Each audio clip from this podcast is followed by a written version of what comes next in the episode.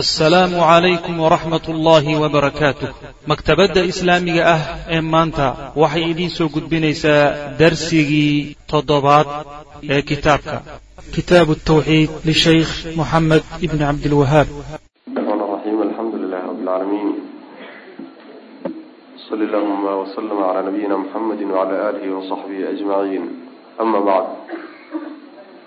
baabu tafsiir tawxiid wa shahaadati an laa ilaaha ila allah wuxuu baab yahay tawxiidkii oo la fasiro la caddeeyo oo daaha laga qaado. Iyo sidoo kale fasirid la fasiro shahaadati an laa ilaaha ila allah. Qiritaan la qiro laa ilaaha ila allah oo iyadana macnaheeda la caddeeyo la fasiro ayib marka tawxiidka iyo shahaadati an laa ilaaha ila allah waa laba kelimo isku macnaa wey sidaa daraaddeed cadfiga waxaa la yidhahdaa cadfu lmutaraadifayn baa la yidhahdaa laba kelimo isku macno marka la isku cadfo ayaa la yidhaha cadfu lmutaraadifayn macnaheedu waxa wey inagi soo marnay xadiidkii ibnu cabaas mucaad ibnu jabal markuu nabigu diray sal lla alay slam yani ilaa an yuwaxid llaha iyo ilaa shahaadati an laa ilaha illa allah isku macno wey marka. Tawxiidka iyo shahaadati an laa ilaha illa allah waa isku macno. Tafsiirkana waxaa laga wadaa ujeedada laga leeyahay iyo shaarica. Macnuhu ula jeeday tawxiidka oo la caddeeyo wey macnaha xagga horeba waa ku soo marnay oo abwaabtii uu kitaabkaba ku bilaabay laa ilaha ila allahu ayay sharxaysay oo aayaadkii axaadiistii ku soo arooray. Laakiin halkan wuxuu doonayaa hal tiir oo tiirarkeeda ka mid a inuu xoogga saaro. Halkaa tiir wuxuu yahay albaraa min kulli maa yucbadu min duuni illah in laga beri noqdo. Wax walboo ilaahay ka soo hadhay oo la caabudayo tiirka isagoo tiirarka tawxiidka ka mid ah. Yuu si gooniya doonaya inuu xooga u saaro. Baabu tafsiiri tawxiid wuxuu baab u yahay caddayn la caddeeyo tawxiidka macnihiisa wa tafsiiri shahaadati an laa ilaha ila allah qiritaan la qiro mid xaq lagu caabuday inuusan jirin. Alla mooye qiritaankaasoo isagana macnihiisa la caddeeyo oo la fasiro. Wa qawli qawli llahi tacaala ilaahay odhahdiisuu baab u yahay uu yihi ulaaika ku ulaaika aladiina yadcuuna yabtaguuna ilaa rabbihim alwasiila. Ayuhum aqrabu wayarjuuna raxmatahu wayakhafuuna cadaabah ina cadaaba rabbika kana maxduura ulaaika kuwaas aladiina kuwa yadcuuna ay gaaladu baryayaan. Yabtaquuna kuwaa la baryayo waxay dalbayaan ilaa rabbihim rabbigood xaggiisay alwasiilata waxay ku gaadhaan iyo camal gaadhsiiya oo ilaahay u geeya ayay dalbayaan ilahay u dhaweeya ayuhum kooda ayaa dalbaya aqrabu ugu dhawaanshaha badan. Wayarjuuna waxay rajaynayaan raxmatahu ilahay naxariistiisay rajaynayaan kuwaa la baryayo. Wayakhaafuuna waxay ka cabsanayaan cadaabahu ilahay cadaabkiisana way ka cabsan. Ina cadaaba rabbika rabbigaa cadaabkiisu kaana wuxuu ahaaday maxduuran mid layska jiro mid laga taxadaro ayuu ahaaday oo laga cabsado. Macnaheedu waxa weeye waxaa ka horreysay aayaddi ahay qul idcu ladiina zacamtum min dunihi falaa yamlikuuna kashfa duri cankum walaa taxwiila. Waxaa tidhahdaa baa nabiga salawatullhi wasalaamu caleyh yani bal u yeedha kuwa aada dhahdeen eed sheegateen inay ilaahay sokadii ay wax idin tarayaan oo ilaahay idin yihiin. Wax alla waxay gacantooda ku jiro o awood ay leeyihiin ma jirto. Dhib idin haysta idinkama faydi karaan. Inay faydaan iska daayay inay intay idinka wareejiyaan ama meeshii dhibku haystay ka qaadaan meel kale geeyaan ma awoodi karaan. Laa yamlikuuna kashfa duri waxa wey dhibkii yaalay bilkulliya uma faydi karaan walaa taxwiilanna waxa wey intay meesha ka wareejiyaan meel kale kuma wareejin karaan. Marka waxba ma tari karaan wey. Markaasaa waxaa laga dambaysiiyey ulaa'ika aladiina yadcuuna yabtaquuna ilaa rabbihim alwasiila. Aayadda marka waxay leeyihiin mufasiriinta salafku macaani dhowray sheegayaan laakiin isku meel bay imaanayaan macaanidaas. Qole waxay leeyihiin aayaddu waxay ku soo degtoo laga hadlayaa qolyihii caabudi jiray nabiyullaahi ciisa calayhi salaam iyo malaa'igta iyo cusayr dadkaa saalixiintaa qolyihii baryi jira oo u yeedhan jiray oo dhibaatooyinka kula carari jiray. Kuwaasaa lala hadlayaa oo aayaddu ku saabsantay. Oo waxaa la leeyahay war kuwan aada baryaysaan ee malaa'igta iyo ciise iyo cusayr iyo kuwa kuwa aada baryaysaan yani wax weydiisanaysaan laftooda yaaba ilaahay wixii u dhoweyn lahaa raadinaya. Iyaga laftooda waxay dalbayaan camalkii ilaahay ay ugu dhowaan lahayen subxaana wa tacaala. Weliba kooda ilaahay ugu sii dhawaanshaha badan baa wuxuu raadinayaa wixii ilaahay u dhoweyn lahaa subxana wa tacala camalkii ilahay u dhoweyn lahaa. Marka waxay noqonaysaa ma kuwo iyagiiba baahan oo ayagiiba wax raadis ah oo alla subxaana wa tacaala camal ay ugu dhawaadaan doonaya miyaad wax bideenood wax ka doonaysaan? Nin isaguba wax doonayo baahan adigu waxaad u raadsani muxuu yahay? Taasi waa macno. Macno labaadi waxa weeye waxay ku soo degtay qolyo binu aadam ah oo jin ku xidhnaa. Jin bay caabudi jireen jin gaalo ah. Jinkii gaalada ahaa baa marka islaamay markuu islaamay oo jinkii gaalada ay la caabudi jiray lagu xidhnaa uu islaamay. Kuwii ku xidhnaa maynan la islaamina gaalnimadoodii bay ku baaqi noqdeen. Kuwii oo islaamayna ilaahyay weliba haystaan oo meeshii bay weli taagan yihiin. Kuwan kaleeta ay caabudayeen jinka ahaana waaba muslimiin oo waa muwaxidiin oo hadh iyo habeenba waxay u taagan yihiin. Camalkii ilaahay ku dhaweyn lahaa subxaana wa tacaala ee ilaahay ay ugu dhawaan lahayen ilahay bay baryayaan oo u cararayaan marka war waad khaldan tihiin. Meel banaan baad fadhfadhidaane kuwan aada wax moodaysaan laftoodaa baahan oo ilaahayba subxaana wa tacaala u cararahayo wax weydiisanay marka faaqidu shay laa yucti midaan waxbaba haysanin adugu haddaad wax u raysata soo ma goyi maysa saasay marka mufasiriinta salafku leeyihiin labada macnoba way isu imaan. Oo waxay isugu imaanaysaa siduu leeyahy sheikhulislaam ibnu taymiya yani cid walba oo la caabudayo oo wax la weydiisanayo isaguna ilaahay ku xidhan subxaana wa tacaala ayay aayaddu ka hadlaysaa. Cid walba weli ha noqdo sheekh ha noqdo cid kale ha noqdo nebi ha noqdo malag ha noqdo kan la caabudayo la baryayaa ilahay ku xidhan subxana wa tacaala. Tawxiid buu la yimid xagga alla u cararaya asagiibaa baahan gacmuhuu taaganaya haddana qolaa ku sii daba xidhan. Walba geela hebel kuwa dabanayaal baanu sii dabanaalaaw ma ilaahay subxaana wa tacaala kuwan u baahane iyaga laftooduba aan istiqlaaliye haysanin oo waxba gacanta ku haynin ma kuwaasaa daba taallaan sidaas wey macnaha. Aayaddu marka ama jin ha noqdeen ama ciise ha noqdo ama malaa'ig ha noqdo ama macnaha nabigeena salawatullhi wasalaamu caleyh ha noqdo ama nebiye kale ha noqdo ama awliyada ha noqdeen cid ilaahay baryayso isaguba ilaahay u cararahay ninka daba jooga oo dhan bay macnaha aayaddu ka hadlaysa. Saas wey macnaha. Marka waxaa yani waxa way lagu baraarujinaya ilahay horta waa u siman tihiin adig iyo kanaad caabudaysaan rabbi subxaana wa tacaala waa u siman tihiin xagga baryadiisa iyo waxweydiisigiisa addoomaadna u wada tihiin. Uu kaaga dhow yahay subxaana wa tacaala laga yaabo inuu kaaga dhow yahay. Laakiin kaaga dhawaanshaha uu kaaga dhow yahay looma saarin lagumana odhan iisoo mar. Uu iiga kaa dhow yahay iisoo maro isaga soo mar laguma dhihin. Ee ilaahay siduu isagaba u faray toos inuu u soo aado iyo adigana waxaa lagu faray inaad toos ilahay u aado subxana wa tacaala meel dhexdhexaadoo la sii marana ma jirto ilahay loo sii maro subxana wa tacala daacadiisa iyo tawxiidkiisaasaa loo maraa. Waka taasaa lagu tilmaamay waxaa kaloo la tilmaamay. Weliba kuwani way sii kala dhow yihiin. Dadka dadka ilaahay ugu dhow subxaana wa tacaala ayaa ilaahay baryaya oon ilaahay ka maarminaya baryadiisa. Naxariista ilaahay bay rajaynayaan. Oo janno ilaahay bay hunguriyeynayaan. Oo dembi dhaaf bay ilaahay subxana wa tacaala ka doonayaan. Cadaab ilaahayna way ka cabsanayaan marka rajaa iyo khawf baa ku jira. Waa kuwa la baryayo maxaa yeelay cadaabka rabbi subxaana wa tacaala waa mid ku habboon in la iska jiro laga taxadaro taxadar laga qaato macna. Aayaddu marka waxay raddi ku tahay yani qaabo badan oo bulshooyinka maanta muslimiintu ay u dhaqmaan ama khaladaad fara badan oo jahligu keenay oo bulshadu ku dhaqanto. Oo weliba ay ugu qiil bixiyaan dad culimo sheeganaya taas waxa weye marka la yidhahdo war aayaadkani idinka idinka hadlayaan iska daaya waxa qabri iyo meyd iyo nin dhintay iyo mid nool iyo habaryina ilahay barya subxana wa tacaala.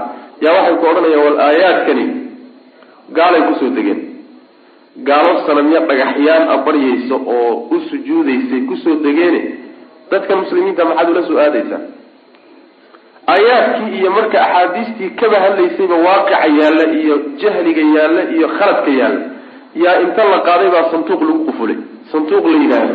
Gaalay ku soo degtay. Diintii kale halkaasaa lagu laalay marka. Innageena ma khusayso dhaqankeenna ma khusayso khaladkeenna ma khusayso cibaadadeenna ma khusayso inagu waxaynu nahay maarata waxaynu samayno. Waa sax wey taas wey marka midka khaladka keentayo ta aayadani waxayba ka hadlaysaaba dad saalixiinoo la caabuday. Oo weliba salaaxooda la hubo.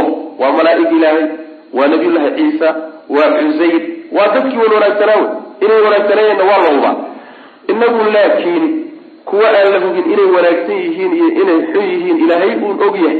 Cid markhaati kici kartana aysan jirin ayaynu baryayna waynu wax weydiisanayna ninkan aada weli weye leedahay yaa kugu yidhi waa weli. Welinimadu waa shay qalbiga khuduucayo wey waa masale qalbiga ku jirta wa xaggee ka keentay waa weli ilaah waxaa laga yaabaa intuu camal saalixa muujisto oo dadka tusto haddana inuu qalbiga munaafaqiy ama khaatimo xunba iyo uu ku geeriyoon oo gaalnimo ku dhiman. Ilahay baa garan subxaana wa tacaala. Nabigu sal alay wasalam markuu ka hadlayay macnaha waxa weeye jihaad.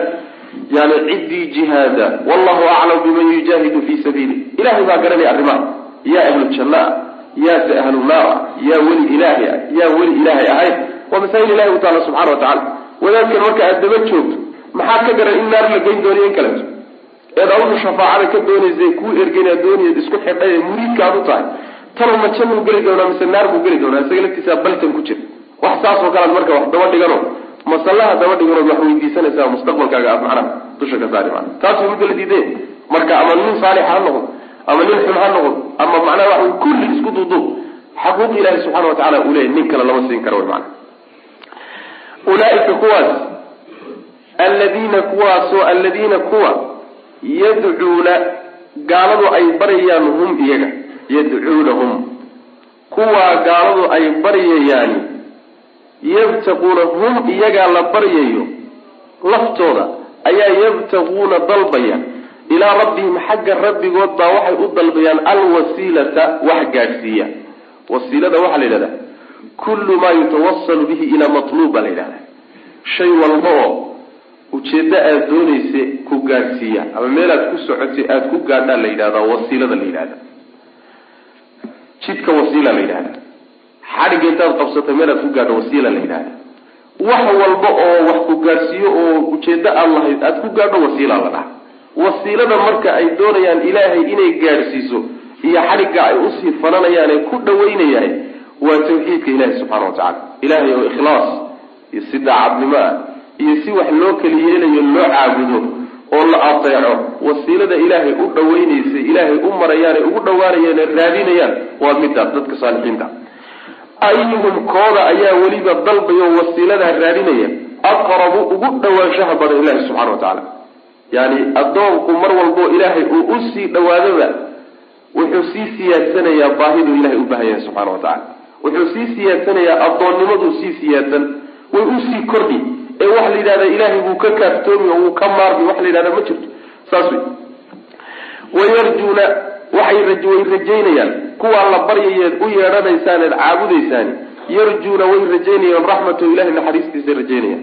Wayakaafuuna way cabsanoo cadaabahu cadaabkiisay ka cabsana iyagaaba macnaha wax wey baahan wey ina cadaaba rabbika rabbiga cadaabkiisu kaana wuxuu ahaaday mahduuran mid layska jiro macna mid laga taxadiro laga tabaabushaysto ayuu ahaadoo laga cabsado wasiiladu marka macnaha wey waxyaalaha qariibka waxaa ka mid a. Markay waxyaalaha shirkiyaadka iyo khuraafaadkan iyo waxyaalahan diintaba duminaya markay doonayaan inay tabriiriyaan aayaddanaa ka mid a aayadka daliishadaan. Oo wasiiladaas wasiiladaas halkaa kelimo oo ku soo aroortay meesha ayaa daliil laga dhiga. Markaasaa waxaa la leeyahay tawasulku waa banaanya tawasulka banaan iyo tawasulka aan banaanayna kulli waa laysku wada xaadqaadi tawasulka qaar banaanna waa jiraa qaar aan banaanayna ma jiro waa jiraa qaar aan banaanayni waa jiraa oo ilaahay oo addoommadiisa loo sii maraayay waa cibaadadii gaaladii mushrikiintii carbeed cibaadadii lagu diiday wey mana banaana ilaahay oo acmaasha saalixa iyo cibaadaadka iyo diintiisa ku dhaqankeeda loogu dhawaadana waa tawasulka banaan wey tawasulka qaybihiisa banaan waxaa ka mid a camalkaaga inaad ilahay ugu dhawaato subxaana wa tacaala. Oo masala ilah baad wax weydiisanaysaa markaasaa waxaad leedahay ilaahu salaada adaan kuu tukaday oo soonka adiga dartaa baan u soomay oo adiga daraaddaa baan muwaxid u noqday ee ilahu waxaa iyo waxaa isii sida xadiidkii nimankii godka galay xadiidkii asxaabulgaar nimankii saddexdaa ee godku ku dumay oo kale yaa macnaha daliil u ah. Waxaa ka mid tawasulka wasiilada la isticmaalo inuu ruuxu ilaahay asmaadiisa iyo sifaadkiisa iyo ammaantiisa ugu dhawaado oo uu yidhaahdo ilaahayow intaasoo magac uu leeyahay intuu tiriyo allahuma innii as'aluka biana laka alxamdu laa ilaha ila anta almanaanu lbadiic badiicu samaawaati waalardi ya da aljalaali walikram ilahay sifaatkiisa iyo tilmaamihiisa wanaagsan taa tiriso markaa kadib inaad wax weydiisato. Waa tawasulka banaan bay ka mid tahay.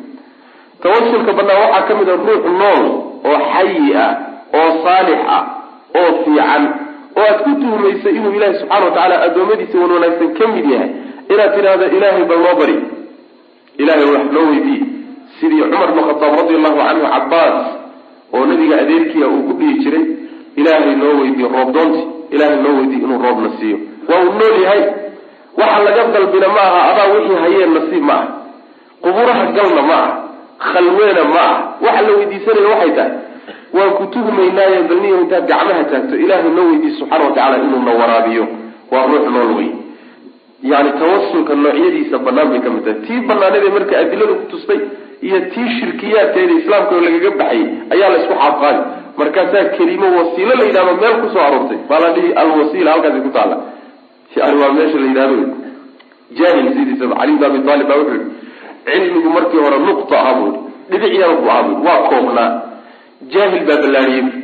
Jaahil unbaa siduu shubahaad iyo meel uusan cilmigu qaadi karin ugu riixaayay yaa wuxuu noqday buui cilmigii bad aan la gaari karin mana boqol su'aalood iyo boqol meelood oo ayna qaadi karin bay ku riixayaan mana saas. Weliba waxaa inoogu wacan inagu cajam baa nahay. Jahliga waxaa inoo dheela cajaminimo ruux hadduu cajami yahay luqadiina uusan si fiican u aqoonin. Yacni lafdigii iyo jumladii iyo naskii iyo meel uusan qaadi karin inuu la aado waa u badan tahay macana wa qawli llahi tacaala buu baab u yahay. Waid qaala ibraahimu maxalushaahidku marka waxa weeye yani waa in ilaahay kayrkii cibaadada la caabudayaay inay kelimatu tawxiid liidkeeda ku tahay. Tawxiidka ruuxana ay duminayso. Wa qawli llahi tacaala buu baab u yahay wadkur xus. Id waqti qaala uu yihi ibraahimu ibraahim liabiihi aabihi uu ku yidhi aazar. Iyo wa qawmihi tolki. Inanii anigu baraa-un kuma jiro. Oo beni baan ka ahay. Mimaa shay tacbuduuna aada caabudaysaan ila aladii midka mooyaane fataranii abuuristayda bilaabay fa inahu isagaa sayahdiinii hanuunin wa jacalahaa wuxuu ka dhigay ibraahim kelimadaa kelimatan buu ka dhigay weer baaqiyatan oo haraysa fii caqibihi caruurtiisii iyo ciddii ka farcantay kelimo ku hadhay ayuu ka dhigay lacallahum yarjicuuna si ay ugu laabtaano bal kelimadaa ay dib ugu noqdaan nabiyullahi ibraahim calayhi salaam saan soo sheegnay ama xagga hor horeba laynoogu soo sheegay. Wuxuu ka mid ahaa rumuusta waaweyn ee tawxiidka u nusreeyey aada ugu gargaaray kuna dagaalamay dagaal adag ku galay. Ayuu ahaa sidaa daraaddeed dadku dagaalka la galay waxaa ka mid ahaa aabihii iyo tolkii. Af iyo adinba waa kala dagaalamay baynu tawxiidka kula dagaalamay. Wuxuu ku yidhi anigu beri baan ka ahay waxaad caabudaysaan asnaamtii iyo tamaatiishii iyo wixii ilaahay ka soo hadhay caabudi jireen anigu kuma jiro. Idin lamana qabo idin lamana waafaqsani waana ka fogaa ilaa midka abuuristayda bilaabay mooyaane kaasuu soo reebay. Waa allah subxaana wa tacaala. Ila allaha muusan odhanine ila aladii fataranii buu yii fataranii wuxuu u sheegay waxa uu doonayaa inuu dareensiiyo cillada keenaysa ilaahay keligii in la caabudo waxay tahay keligiiba abuurka leh abuurka miyaa lala wadaagaa maya. Abuurka haddaan lala wadaagin oo keligii uu i abuuray waxaan abuurkiiba la wadaagin oo gacan ka geysanin oo kala qayb qaadanin. D maxaa loo caabudi muxuu tari karaa. Waxaa kaloo uu dareensiinayaa fataraniida asnaamtan ay caabudahayaan inayn gar u lahayn cibaadada. Maxaa yeelay abuurka ma laha sideedaba waxaa la caabudaa cidda wax abuuri kartee awood buuxda le way macana arrintaasuu danaysiinayaa ila aladii fataranii markuu leey allah subxaana wa tacaala keliya maxalushaahidku marka waxa weeye? Aayaddu waxay tawxiidka ka dhigtay laba tiir oo midda koowaad annafyu. Talabaadna alihbaat annafyu oo ah inanii baraaun mima tacbuduun waa inaad ka beri noqoto ood ka baxdo oo aad la dagaalanto wax alla wixii ilahay ka soo hadhay la caabuday. Mabaadida noocaas oo dhan. Kuwaa markaad la dagaalantay kadibna wixii iyaga aad kula dagaalanteed u diiday waa inaad ilahay keligiisiiso subxaana wa tacala ila aladii fataranii laa ilaha ila allahu macnaheedu way marka marka isagu ujeedada sheekhu wato waxa weeye runtiina waxa weeye jahli iyo garasho la'aan la garan waaye daraaddeed dadku shirkiyaadka maanta ay ugu dhacayaan waxa weeye tawxiidka tiirkiisa labaad oo ah annafyiga ah diidadaas ilahay aan in loo diido cibaadada tiirkaas oo muhima wayaan ujeedadu wato macna ilaahi subxaana wa tacaala ayaa i hanuunin buu yihi oo isaga ah macnaha waxa wey hanuun ka sugaya markaasaa wuxuu ka yeelay nabiyullahi ibraahim calayhi salaam kelimo oo ku hadha caruurtiisa kelimatan baaqiyatan waxaa laga wadaa laa ilaaha ila allah iyo macnahay faa-iideyneyso iyo wuxuu uga tegay oo dhaxal siiyey nabiyullahi ibraahim dadkii ka farcamay dadkii ka farcamay oo dhan saan sheegnay kelimadaa mayna wada qaadanin. Laakiin qaar ka mid a qaatay qaar ka mid a carruurtiisii iyo wixii ka sii farcamay ila dad badan baa nabiyullahi ibraahim ka farcamay carab iyo cajaba leh. Yani waxaan ujeeda carab iyo le macnaha waxa wey reer bani israiil intaba leh ayaa ka farcamay marka intii ka farcantay qaar badan oo ka mid waa kelimadaas dhaxlay oo nabiyullahi ibraahim uu uga tegay si ay kelimadaa ugu noqdaanoo ay ugu laabtaan oo ay u dhaqangeliyaan wa qawli llahi tacala uu baab u yahay wadkur xus id waqti qaala uu yihi ibraahimu ibraahim liabiihi aabihi markuu ku yidhi iyo wa qawmihi tolkii inanii anigu baraa-un mid beri ka abaanahay mimaa shay baan beri ka ahay tacbuduuna aada caabudaysaan. Berinimada waxa la atakhalli shayga inaad ka baxdo oodan ku jirin oodan la wadaagin baa macnaha la yidhahda bara-ada la yidhahda ila aladii kii mooyaane fataranii i abuuris bilaabay. Allaha i abuuris bilaabay mooye. Waxa kaleed caabudaysaan oo dhan idinlama wadaago wey. Idinlamana waafaqsana waa idinku khilaafsanay. Ilaan ilaahayna way caabudayeen. Kuwo kalena way ku garab wadeen marka waxaad caabudaysaan oo dhan ka tegay muuse odhanine wuu kala reebay. Intay caabudayaan baa waxay isu dhex yaallaan mid cibaadadiisu xaq tahay iyo inay baatil tahay. Ilahay cibaadadii caabudayaan waa mid xaq. Laakiin waxaanay ku garab wadaan baa la diidaya intay ku garab wadeen buu marka meesha ka saaray. Allihii cibaadadiisu xaqa ay ahaydna wuu soo reebay. Isagaa keliya unbaan anigu ogolay. Waxaa kaloo dhan la taga saas maana maxaa yeelay dadka wax caabudaya makhluuqu sida saddex qaybood wey qaybi ilaahay keliya caabudaan. Cid kalena ma garab dhigaan. Wax lama wadaajiyaan. Qolana ilaahay cid aan ahayn keliyay caabudaan maba yaqaanaan ilaahay iskumaba taabtaanba iyo cibaadadiisa. Qolana waxay isla caabudaan ilaahay iyo addoommadiisa isla caabudaan oo wax isugu daraan. Laba qolo waa khaldantay hal qolaa sax qolada ilaahay keligii ku xidhan unbaa sax labadaa qolo kaloo dhan waa khaldan yihiin oo makhluuqaad ka mid. Fa inahu alle ayaa sayahdiini i hanuunin. Isaga ayaa xaqa igu hanuunin oo wanaagga itusi wa jacalahaa wuxuu ka yeelay arrinkaa kelimatan weer buu ka dheelay jacalahaa macnaha inanii baraau mima tacbuduuna ila aladii fataranii jacalahaa damiirkeed halkaas ku noqonaya wa jacalahaa weedhaa tawxiidka iyo kelimadaa tawxiidka wuxuu ka dhigay ibraahim kelimatan kelimo ayuu ka dhigay baaqiyatan oo hadhay fii caqibihi cidhibtiisa iyo caruurtiisa dambe dadka ka farcamay kelimo dhexdooda ku hadhay oo dhexdooda taalla oo ay qaataan ayuu ka dhigay lacallahum yarjicuuna si ay ugu laabtaanoo kelimada ay ugu dhaqmaan oo ay ugu noqdaan. Wa qawlihi tacaala buu baab u yahay. Ittakhaduu axbaarahum wa ruhbaanahum arbaaban min duuni illah ittakhaduu waxay samaysteen. Axbaarahum culimadoodii waxay ka dhigteen. Wa ruhbaanahum iyo cubaadoodii ayay arbaaban rabbiyaal ka dhigteen min duuni illahi alla sokadii yani waxay ka hadlaysay nimankii la odhan jiray nasaarada iyo yahuudda culimadoodiiba waxay ka dhigteen iyo cubaadoodii axbaarta waxaa la yidhahda waa jamcu xabrin.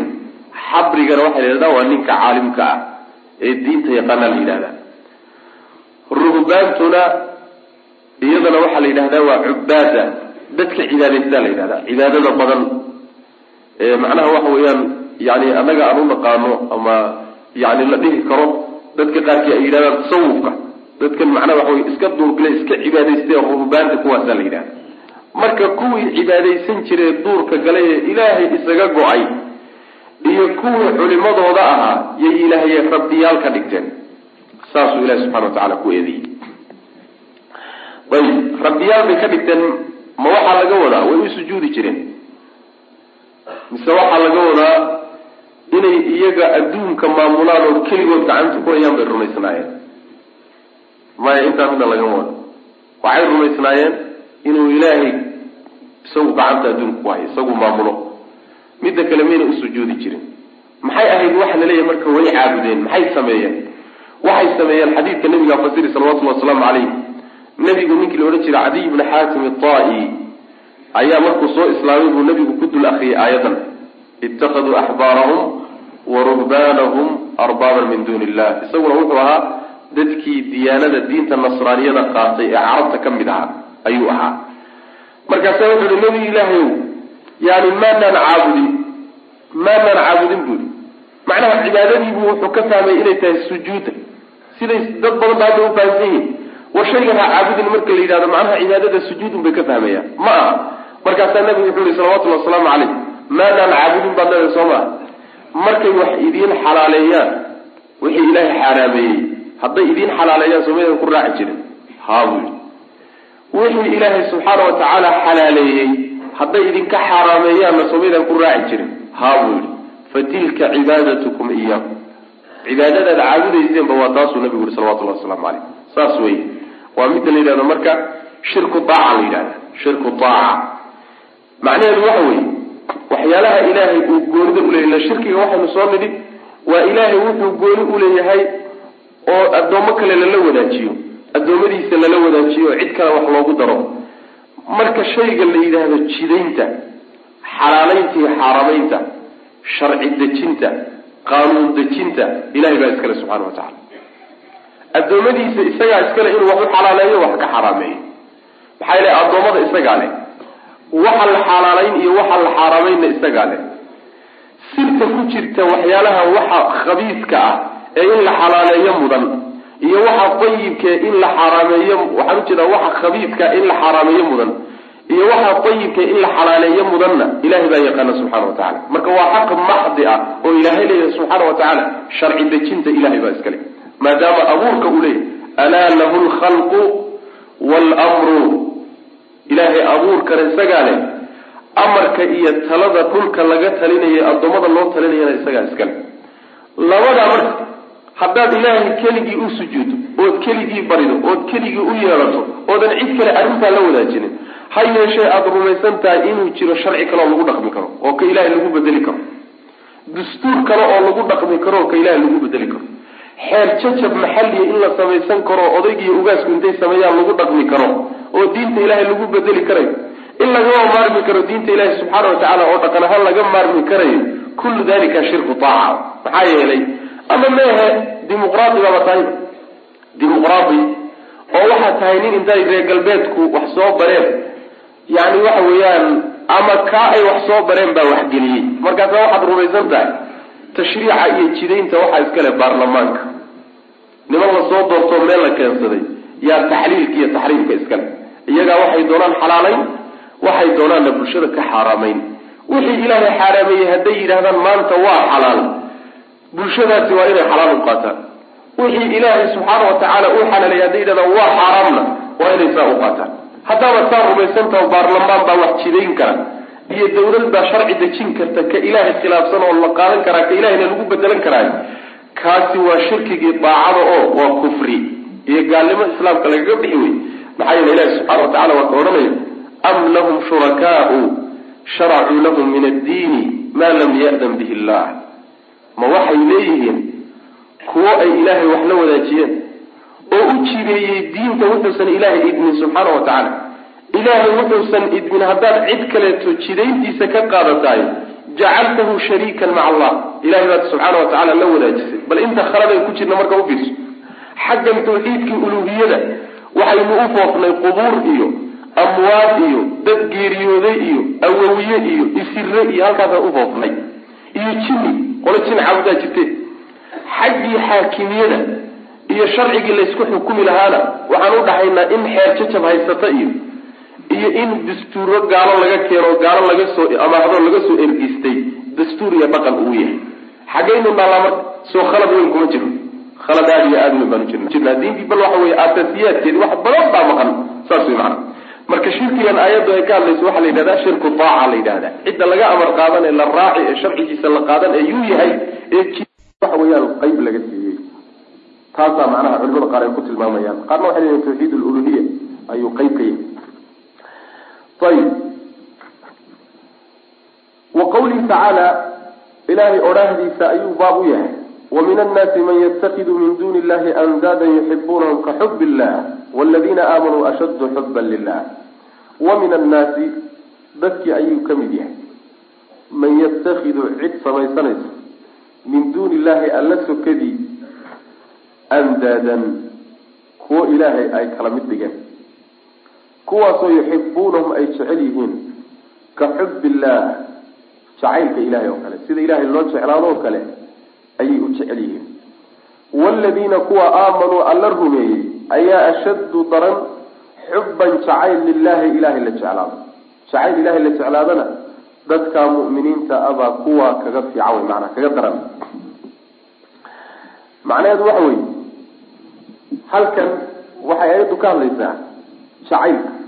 Dadka waxaa ka mid a dad jacaylka ilaahay iyo addoommadiisa ku simaya oo adoo sida ilaahay loo jeclaadayo jacaylka uu mudan yahay mid la mid ah ayuu addoommadii jeclaanaya. Jacaylka maxaa laga wadaa? Jacaylku sidiisaba waa saddex qaybood. Jacaylku waa saddex qaybood. Qaybi waa jacayl ilaahay uu leeyahay subxaana wa tacaala qayb waa qaybtaas laba qaybood marka hore u qaybsamaa qayb ilaahay jacayl la jeclaado iyo jacayl addoommadiisa la jeclaado. Jacayl ilaahay la jeclaadaayo la geray kaas. Laakiin addoommada ilaahay oo la jeclaadaayo saddex qaybood bay noqon. Jacayl addoommada la jeclaado ilaahay daraaddiina loo jeclaado waxaad u jeclaanba waxa weeye addoonkan ilaahay baa jeclaaday. Ilaahay baana ku amray inaad jeclaato qaybtaa waxaa soo gelaysa jacaylka nabigeena salawatullhi wasalaamu caleyh aan jecelnahay. Iyo jacaylka dadka mu'miniinta ee muttaqiinta ka dhexeeyay isjecel yihiin. Iyo jacaylka aan jecel lahay wax walboo ilaahay jecel yahay subxaana wa tacala oo makhluuqaadkiisa ka mid a waxaa la yidhahdaa alxubu lilah ilaahay daraadii oo shayga loo jeclaado. Ilaahay baa jecel dartii baad u jeclaan. Lafihiisa uma jeclaanaysa ee waxaad u jeclaan allah jecel sababka kugu bixinaya inaad jeclaato waxa wey ilahay baa jecel subxaana wa tacala ilaahay baana i amray inaan jeclaado. Taasi waa qayb. Qaybtaasi ilaahay jacaylkiisa kama hor imaanayso isma diidayaan. Bal waxay dhamaystir u tahay ilahay jacaylkiisa subxaana wa tacala waa kii ahaa yani ina min awsaqi cura liimaan alxubu fi llahi wlbugdu fi llah iimaanka mareegihiisa iyo guntimihiisa kuwa ugu adagi waxaa ka mid a in aada u jeclaato waxaad jeclaanayso ilaahay dartii waxaad nacaysana ilahay dartii aada u nacdo waxaad yani waxa la coloobayso ilahay dartii ula colow waxaad soo dhawaysanna ilahay dartii u soo dhawayso. Waa iimaanka wuxuu ka mid yahay mareegihiisa iyo guntumihiisa ugu muhiimsan buu ka mid yahay. Marka jacayl oo addoon la jeclaado makhluuq la jeclaado ilaahay dartiina loo jeclaado kaasi waa qeyb oo iimaanka ka mid oo iimaanku dhamaystiraya qeybta labaad waxa weeyaan almaxaba abiiciya waa jacaylka dabiiciga ah oo makhluuqaadka la jeclaado. Sida masalan jacaylkan cuntada aan jecel oo kale ruuxa ooman ee biyaha jecel oo kale xaaska jacaylkiisa oo kale carruurta jacaylkooda oo kale adduunyada jacaylkeeda oo kale. Ka jacaylna waa noocaas oo waa jacayl dabiiciya la dhahda ilahay ibni aadamka ku abuuray. Midka noocaasa ilaahay maxabadiisa iyo jacaylkiisa isma diidayaan. Kama hor imaanayo oo addoonki isagoo ilaahay jecel bu haddana reerkiisa jeclaa isagoo ilaahay jecel subxaana wa tacaala ayuu haddana carruur jeclaan. Isagoo ilaahay jecel buu haddana macnaa waxa weye cabitaanka iyo cuntada jeclaan isma diidayaan. Laakiin waxay isdiidayaan haddaad jacaylka adduunyada iyo waxyaalaha ka hormariso ilahay jacaylkiisa subxana wa tacaala way isqabteen masalan waxaad isqabtay inaad ilaahay jacaylkiisa fuliso iyo wuxuu kaa doonay iyo reerkaagi iyo carruurtaadi iyo adduunya waxay kaa doonayso inaad fuliso. Labadiibaa iska hor yimid oo fooda isla galay. Keed samay? Haddaad marka jacaylka qolyaha ka hormariso ilaahay jacaylkiisa halkaasuu marka burinaya. Halkaasay iska hor imaanayaano marka jacaylkoodu uu noqonayo shirkiga markaasay noqon. Ama shirki ayna noqonayn uu noqonayaa dembi weyno iimaankii wax yeelaya. Sidaas way maana maxaa yeelay waa kii nabigu odhan jiray salawatullhi wasalaamu caleyh bisa cabdu dirhami wadinaar ninka shilinka caabudaya dirhamka iyo dinaarka caabudaya bisa cabdu lkhamiisati waalkhamiila ninka marada caabudaya ee addoonka u ah kaasaa inkaari ku dhacday buu nabigu uri salawatullahi waslamu caleyh oo ma nin shilin iyo dollar u sujuudayaa jira mise nin ilaahay u rumaysan inay ilaah yihiin baa jira. Maya laakiin haddaaba daacadii ilaahay daacadooda ka hormarisa oo raadintooda aada ka hormarisay raadintii ilaahay sharcigiisi iyo u dhawaanshihiisi halkaasaad marka addoon u noqoto iyaguna ilaahay kuu noqdeen way macana markay iska hor imaanayaan waa markaa laakiin inta aad ilaahay maxabadiisa iyo jacaylkiisa ka hor marinayso oo iyadu kaagala weyn tahay waxa weeyaan waa shay iska dabiici oo ilaahay addoommada ku abuuray iskama hor imaanaya maxabada qaybteeda saddexaad waxa weeye. Almaxabatu maca allah. Inaad ilaahay la jeclaato jacaylkii ilaahay uu mudnaa subxaana wa tacaala mid la mid ah inaad addoommada jeclaato ama jacaylka addoommadaba aad ka hormariso jacaylka ilahay aad jeceshahay subxana wa tacala kaa wey midka shirkiga midka aayaddu tilmaamaysana waa midka wa min annaasi man yattakidu min duuni illahi andaada yuxibuunahum ka xub illah jacaylka ilaahay ay jecel yihiin iyo ka ay andaada jecel yihiin baa siman. Ama ka andaada ay jecel yihiin baa ka weyn jacaylka ilahay jecel yihiin subxana wa tacala kaa wey marka midka gaalnimada ee islaamnimada lagaga bixiy maxaa yeelay tawxiidka aasaaskiisa iyo gundhigiisuba waa jacayl. Jacayl ilahay la jecel yahay wa tacala midda kale waxay ku kala tegayaan ilaahay jacaylkiisu wuxuu wataa oo aan wax kale la wadaagin jacaylka ilahay la jecel yahay shaygii waa jeceshahay ilahay waa jeceshahay marka labaad haddana waxaa kuu dheer cabsi iyo rajo. Waa jacayl iyo cabsi iyo rajo. Waad isdullayn haddana weyneyn aada weyneynaysaa kugu jirta. Jacaylka midhahaa dhaliya ee qaabkaa keena ilahay un baa la gooniya subxana wa tacaala. Laakiin masalan makhluuq baad jeceshahay waxbaad ka doonaysaa. Madaxweynaha hunguriyeynaysaa am wax kusiiyaabaad isleedahay intaa yartaa unbaad ugu xilanoo haddaad jeceshahay waa un intaa mooyaane khawf iyo rajo iyo weyneyn iyo isu dullayn ma wato intaa haddii uu galo intaasi wada gasho waa shirki iyo gaalnimo islaamnimada lagaga bixi saas yidhi macana marka fawaarid noocaas oo kale leedahay qolyahan marka lagu eedeynaya waxay yihiin ilaahay subxaana wa tacaala jacaylkii uu lahaan jiray bay siiyeen mid la mid ah addoommada siiyeen. Taasaa la diidaya macana wa min annaasi dadka ayay ka mid yihiin man yatakhidu cid yeelanaysa min duuni illahi alla sokadiisa andaadan kuwa ay ilaahay kala mid dhigeen kuwa ilaahay la mido. la mid maaha ilaahi subxaana wa tacaala mana garab istaagi karaan ayaga muctaqadkooda say rumaysan yihiin waay. Iyagaa ilahay garab dhigay. Yuxibuunahum kuwaasoo ay jecel yihiin ka xubbi illahi ilahay jacaylkiisa oo kale. Ka xubbi illahi laba macnoba waa suurtagalo mufasiriintu way sheegaan. Ka xubbihim illaha siday ilaahay u jecel yihiin oo kale. Iyaga lafahood siday ilaahay u jecel yihiin bay andaadana u jecel yihiin. Taasi waa macno. Oo waa masdarun mudaafun limafcuulihi waxaa kaloo dhici karta in la yidhaahdo yuxibuunahum andaadii bay jecel yihiin. Ka xubbi illahi ka xubbi lmu'miniina allaha. Siday mu'miniintu ilaahay u jecel yihiin oo kale ayay iyagu andaadooda u jecel yihiin. Taasina waa macno kale wey markaasaa ilaahi subxaana watacaala wuxuu ka fadilay jacaylkay kuwan gaaladii ilaahay u hayaani. Waxaa ka weyn oo ka daran oo ka fiican jacaylka ay mu'miniintu u hayaan. Maxaa yeelay jacaylkaay mu'miniintu u hayaan waa mid baraxla waa midaan waxba la wadaagin. Waa midayna cid kale ku garab wadin kuwani laakiin waxbay ku garab wadaan waaladiina kuwa aamanuu rumeeyey baa ashaddu daran. Xubban jacayl la jeclaado lilahi ilaahay la jeclaadana dadka mu'miniintabaa ku daran oo gaalada kaga daran. Ilaahay subxaana watacaala keligii bay iyagu jecel yihiin. Qolyahan laakiin ilaahay subxaana watacaala addoommadiisay la jecel yihiinoo ay ku garab wadaan yani hadda masalan waxyaalaha kutusaya waxaa ka mid a dadka runtii waxyaalaha la yaab kale khatarta ah ee bulshada ka dhex muuqda waxaa ka mid a dadku sida ay awliyada u jecel yihiin ama rajada uga qabaan ama uga cabsanayaan ilaahay subxaana watacaala in badan oo ka mid ugama cabsadaan. Daliil waxaa kugu ah haddii aad tidhaahdo war ilaahay subxaana watacaala yaraaka min xayu laa taraahu. Ilaahay subxaana watacaala mar walba waa ku arkaa oo waa kula socdaa oo waa ku taalacanaya oo qalbigaabuu arkaay iska jira haddaad tidhahdo addoonkaasi aabayeel weyn ma siinay. Laakiin haddaad tidhahdo sheekh cabdilqaadir dhulkuu taaka taaka uga jir ugu jiraa qalbigaagana waa daalacanaya qalbigaaga ilaasho. Addoonkaasi sheekh hebel baa ku arka waxyaalo fara badan in uga tagaa laga yaaba waxyaalo fara badan waa lagu arkaa qalbigaaga la daalacanaya sheekii baa ku arka waa ficlan sidaas wey yani waa lagu arkaayo qalbigaaga jiro oo ilaasho. Inay in badan uga tagaan baa laga yaaba laakiin ilahay baa ku arkaya subxana watacala in in badan uga tegi waxyaalaha khaladaadkii la kelaya waxaa ka mid a masalan dadkan aadaya xajka iyo xaramka iyo aadaya.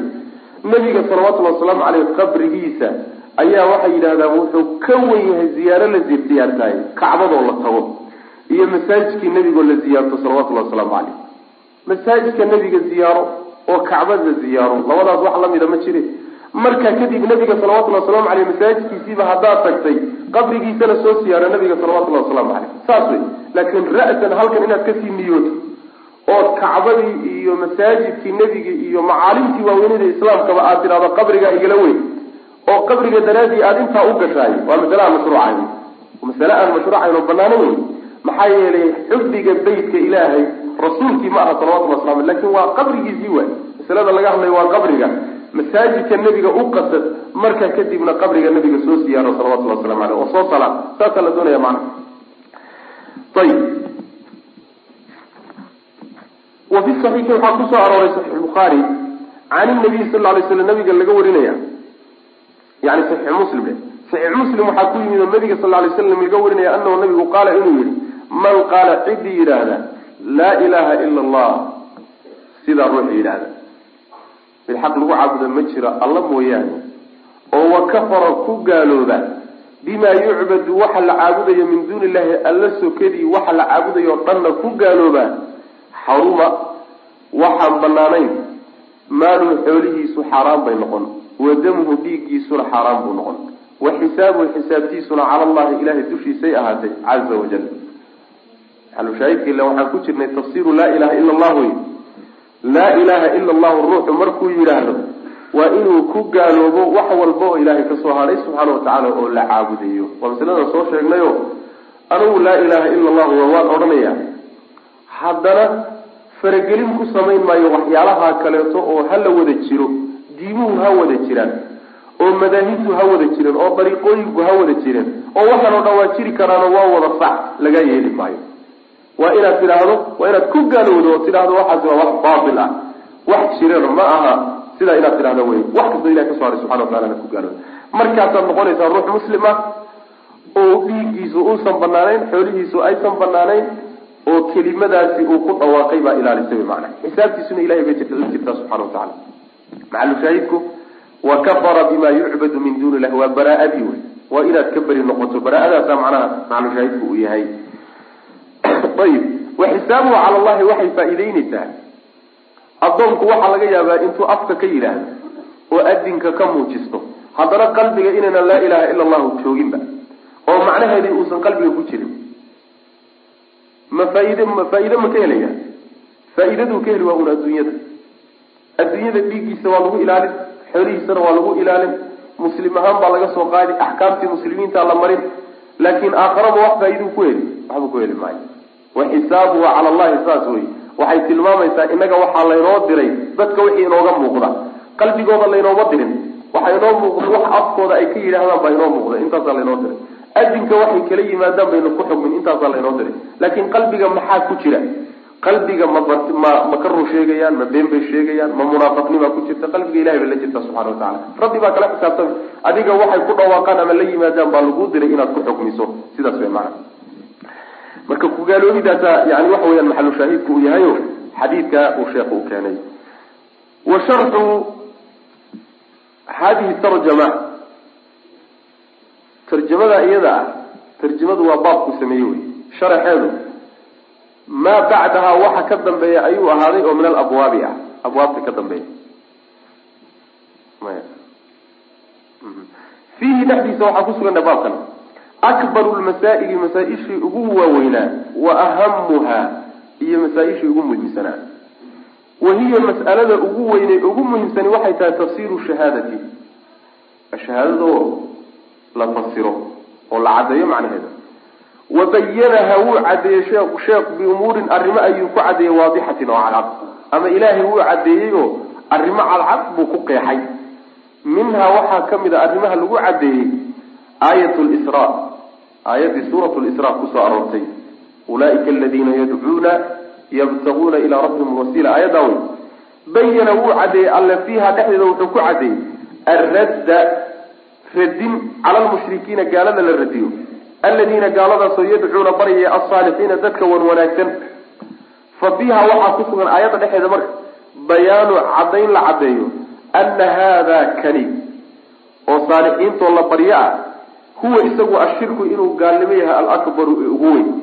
Gaalnimo aan lagaba weynin waxa weye dadka saalixiinta ee ilaahay awliyadiisa iyo cibaadaas inaad barido ood u yeedhato iyo nebiyada iyo malaa'igta waaba shirki ka ugu weyn wey maana saas wey wa minhaa waxaa ka mid a macnaha sidiisaba walilmacluumiya shirki makhluuqa markuu ku bilowdayba taariikhda inta la og yahay dad saalixiin ah oo lagu xadgudbo huluwi lagu sameeyey yuuba ka bilowdayba meel iska dhig iyo qubuur iyagana huluwi lagu sameeyo lagu xadgudbay. Sida cabdullahi bni cabaas uu leeyahay yacni nabiyullaahi nuux calayhi salaam iyo ibra iyo aadam waxaa udhexaysay toban qarni. Tobankaa qarni dadku muwaxidiin bay ahayd tobankaa qarni markii ay gabagowday kadib ayaa marka qawmu nuuxin nimankii la odhan jiray nuux qoladii loo diray yaa waxay bilaabeen inay dad saalixiin oo wan wanaagsan oo geeriyooday qubuurtoodii inay barakaystaan.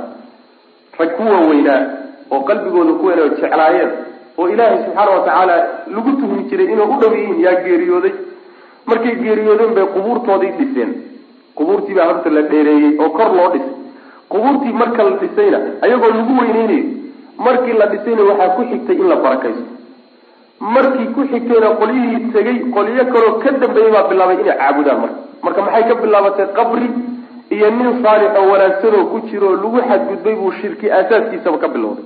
Meesha ilaahay subxaana watacaala jidkiisa lagaga baxayba halkaasay ahayd. Ko shirka halkaasu ka bilowday. Waana shirkiga ugu fara badan ee bulshadu maanta ay ku jirto. Wax sababaya waxaa wey alguluwu fi saalixiin iyo alguluwu fi lqubuur wa fi asxaabi lqubuur. Walamwaat dadka dhintay iyo qubuurta iyo awliyada iyo saalixiinta in lagu xadgudbo oo xaddii ilaahay dhigeen la tilaabiyo ta ugu weynee maantana khaladka keentay iyo inxiraafka tii un wey macna. Saas weya wa minha waxaa ka mid a masaa-ishaasi aayatu bara aayadda ku soo aroortay fi suurati tawba oo ahayd macnaha itakaduu axbaarahum wa ruhbaanahum arbaaba min duuni illah bayana alla wuu caddeeyey fiiha aayadda dhexeeda wuxuu ku caddeeyey ana ahla alkitaab nimankii reer reer kitaab ahaa ee yahuud iyo nasaaro ahaa itakaduu inay ka dhigteen axbaarahum culimadoodii iyo wa ruhbaanahum cubaadoodii bay arbaaban rabbiyaal ka dhigteen min duuni illah alla sokadiisa taasuu ilahay caddeeyey wa bayana wuxuu caddeeyey alle anahum iyaga lam yu'maruu inaan la amrin ilaa bian yacbuduu inay caabudaan mooyaane ilaahan waaxidan. Hal ilah inay caabudaan mooya wax kale inaan la amrin shirkiga ma ilahay baa amray. Iyo inay axbaarta iyo ruhbaanta ilahay ka dhigtaan maya. Ilaahay subxaana watacaala ma amro waxaasoo kale.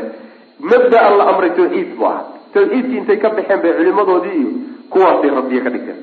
Maca ana tafsiiraha ayadoo tafsiirkeedu alladii tafsiirkaasoo laa ishkaala fiihi wax shakiya uusan ku jirin uu yahay daacat lculamaa aayaddaa tafsiirkeeda uusan ishkaal iyo bushi ku jirin waxa weeye daacat lculamaa culimadii oo la adeeco walcubaadi iyo kuwii cibaadaysan jira oo la adeeco fi lmacsiyati ilaahay cisyaankiisa lagu adeeco waxay ilaahay ku caasiyeen laa ducaahum baryadooda ma aha ay baryi jireen iyaahum culimada ay baryi jireen waxa aayaddu ay ku eedaysa ma aha culimadaad baryi jirteen oo culimadaad u yeedhan jirteen oo culimadaad dhibaatooyinka ula carari jirteen ma ahee aayaddu waxay ku eedaynaysa waxa weeye culimadiibaa waxaad ku raacdeen waxay ku khaldameen culimadiibaa waxaad ku raacdeen waxay ilaahay ku caasiyeen saas way macana waxay diin idinka dhigeen oo diinta ilahayna ku garamareen yaad ku raacdeen. Taasaa lagu haystaa macana wa waxaa ka mid a masaa-ishaasi qawlu khaliil calayhi salaam. Nabiyullaahi ibraahim odhaahdiisii uu lilkufaari gaalada gaalada ku yidhi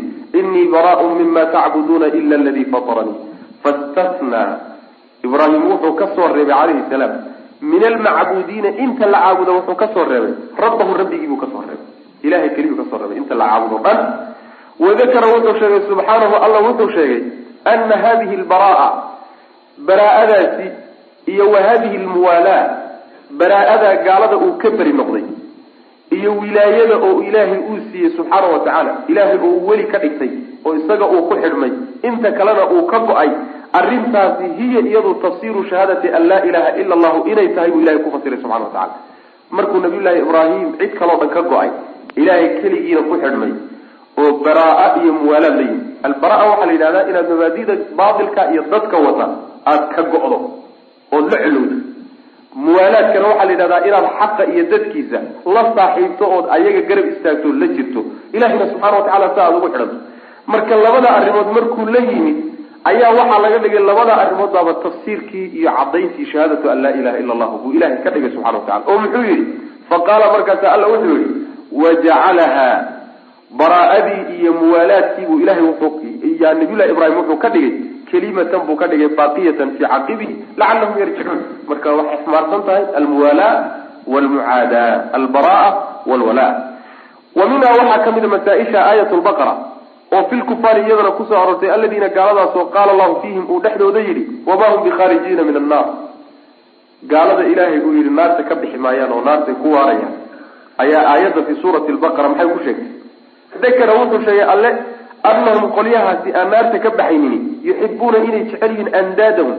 Kuwa ay ilaahay la simeenay garab dhigeen bay jecel yihiin ka xubbillahi sida ilahay loo jeclaadoo kale jacaylka ilaahay oo kale iyay asnaamtoodana jecel yihiin oo andaada jecel yihiin.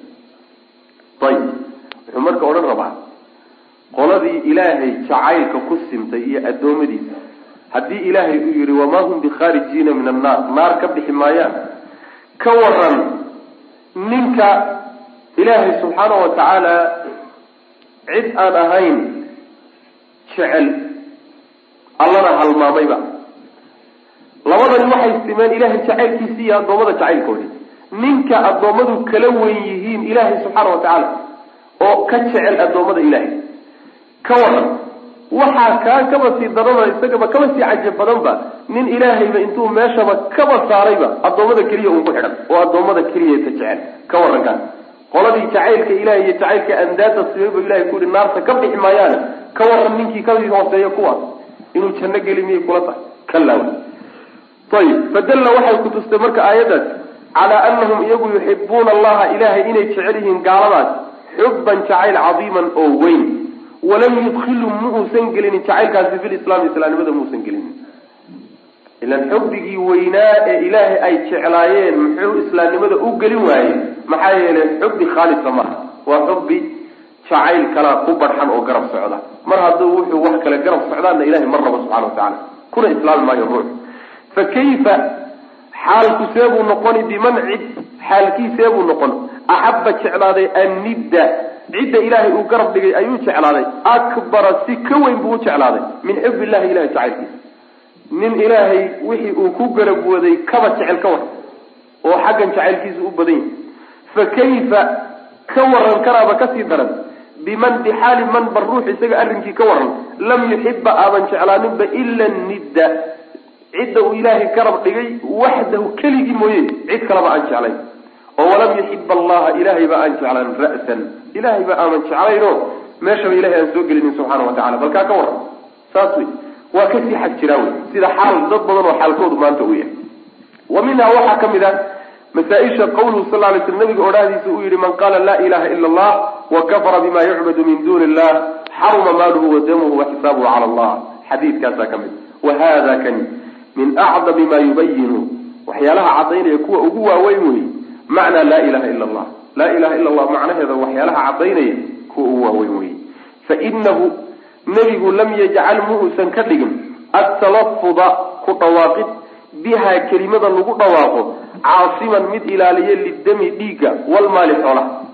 Kelimadoo lagu dhawaaqo keliya dhiiggaagiyo xoolahaaga badbaadin mayso islaamna kaa dhig mayso dhawaaqaa keliya. Maxaa la doonayaa? Haddaan dhawaaqii la imid maxaa kaloo layga rabaa bal walaa macrifata macnaha iska badaa ku dhawaaqis keliye xataa waxaan dhiiggaagiiyo lafahaaga badbaadinaynin walaa macrifatu macnaha macnaheedoo la garto. Maca lafdiha adigoo haddana ku dhawaaqay. Macnaheediina waad garanaysaa waadna ku dhawaaqaysaa. Lafteedu ku badbaadin mayso. Ayib bal iska badaa inay taasi ku badbaadayse wala liqraara xataa haddaad qirto xataa. Bidalika arrinka waad qirto qalbigaad gelisay. Waad ku dhawaaqdo afkaad ka tiri macnaheedana waad garanaysaa. Intaasi xataa kugu badbaadin mayso. Waa cajiib maxaa la yska rabaa? Bal iska badaa intaasi inay ku badbaadisee walaa kawnuhu ahaanshihiisuna xataa badbaadin mayso addoonka. Laa yadcuu uu yahay mid aan baryaynin ila allaha alla mooyaane waxdahu keligii laa shariika lahu oon cid kale u shariik yeelayn xataa haddaad ku darto inaadan ilaahay mooye cid kale baryin oodan caabudin oo u yeedhanin maya kelimadii ku dhawaaqay oo qalbiga geliyay oo macnaheedii fahmay oo macnaha ilaahay mooye cid kale ma baryayo. Haddana saa lagugu dayn maayaa la leeyahay xaggee laysku wadaa maxaa layska rabaa? Bal iska badaa waxaasoo dhan laa yaxrumu ma xaaraam noqonayo maaluhu ruuxa dhiigiisu wa damuhu iyo maaluhu xoolihiisa iyo wa damuhu dhiigiisu xataa yudiifa ilaa uu ku daro. Ilaa dalika arrimaha la soo sheegay ilaa uu ku daro alkufra gaaloobid bimaa shay uu ku gaaloobo yucbadu la caabudayo min duuni illahi alla sokadiisa saas way macana tiirka labaad oo ah inaad ku gaalowdo mabda' kastaoo ilaahay ka soo haray mabdi'iisa iyo cid walba oo la caabudo ilaahay kayrkii ama la baryo ilaa aad ku gaalowdo waxba lagaa yeeli maayo. Islaamnimadaaduna sax ma aha. Dhiiggaaga iyo xoolahaagana badbaadin mayso laa ilaha ila allah jannana geli mayso. Saas wey tiirkaa muhimka intuu kaa maqayo oo ah inaad ku gaalowdo waxyaalaha kaleo dhan. Waa muhiim saas wey macana fa in shaka haddii uu shakiyo arrinkaa oo waxyaalaha kaleeto xaqaa jiri kara talow ma jiraan mise ma jiraan. Awliyada ma la baryi karaa mise lama baryi karo shaki baaba kaga jiraba aw tawaqafa ama uu ka istaagay. Maya anigu yani xaggana weerari maayo xaggana weerari maayo. Laba reer dhexaad baana maxaaba dhibkaa i gelinaya? Waa iska cibaadaysanaya? Ilaahay baan baryaya diintaydaasaan iskaga dhaqmaya? Maxaa dagaal i aniga nimankan aniga maxaa iga galay? Dadku ha iska cibaada faraha ka qaad awliyadu ha iskaga tawasuleen. Maya xataa tawaqufkaa laguma ogola. Inaad ka istaagtood xataa tidhaahdo waan iska dayn xataa laguma ogola. Aw tawaqafa ama uu ka istaago lam yaxrum ma xaaraam noqonayo maaluhu xoolihi dhiig yani xoolihiisa iyo wadamuhu dhiigiisa maxaa la doonaya marka inaad ku gaalowdo mabdaa waxaan ahayn oo dhan tuur lana dagaalam af iyo adin waxaad heli karto o dhan kula dagaalam saasaa lagaa raba. Wa ilaa ilaad intaa ka samaynayso lagaa hari maayo waxbana sax kuuma aha saas wey fayaa laha fayaa qawmi dadow marka icjibuu la yaaba maa lahaa waxaa usugnaaday cajabta usugnaaday min mas'alatin mas'ale ahaan maa shay la yaab lebaa acdamaha weynan badnaysiiyey oo wa ajallahaa weynan badnaysiiye wey. Yani mas'alo weyn oo la yaabid iyo dul istaagid mudan wey macana wayaa lahu maxaa usugnaaday min bayaanin caddayn xaggii maa awdaxahu maxaa cadday cadna maxaa macnaha waxa weeyaan yani caddayn badnaysiiyey. Wa xujatin min xujatin iyo xujo ahaan. Ya wayaa lahaa min xujatin wey. Wayaa lahaa shay la yaab laa usugnaaday min xujatin xujo ahaan. Maa aqtacahaa maxaa goyn badnaysiiyey maxaa goyn la gooyo ku badnaysiiyey mas'alada? Lilmunaasici midka doodaya yani hadalku waxa weeye mas'aladuu doonayaa inuu muujiyo weynankay leedahayo alla mas'aladu weynan badana oo maxay weyn tahay oo maxay caddaan badan tahay oo maxay goyn badan tahay ninka doodahaye ee macangaga ah doodiisa maxay goyn badan tahay wy maanaa waa xadiidka nabiga sal ly slam wa xaruma waxaan u jeedaa wa kafara bima yucbadu min duuni illah wuxuu goynayaa ninka ilaahay iyo cid kale isku garab wada kaasuu xujada u jarayaayo yani xadhigga u goynayaa hada wabilahi tawfiiq wsala allahuma waslama cala nabiyina muxamedi wala alihi wasaxbi wasalam walaalayaal darsigaani halkaas ayuu ku eg yahay. Allah tabaaraka wa tacaala waxaan ka baryaynaa inuu nagu anfaco. Assalaamu calaykum waraxmat ullaahi wa barakaatuh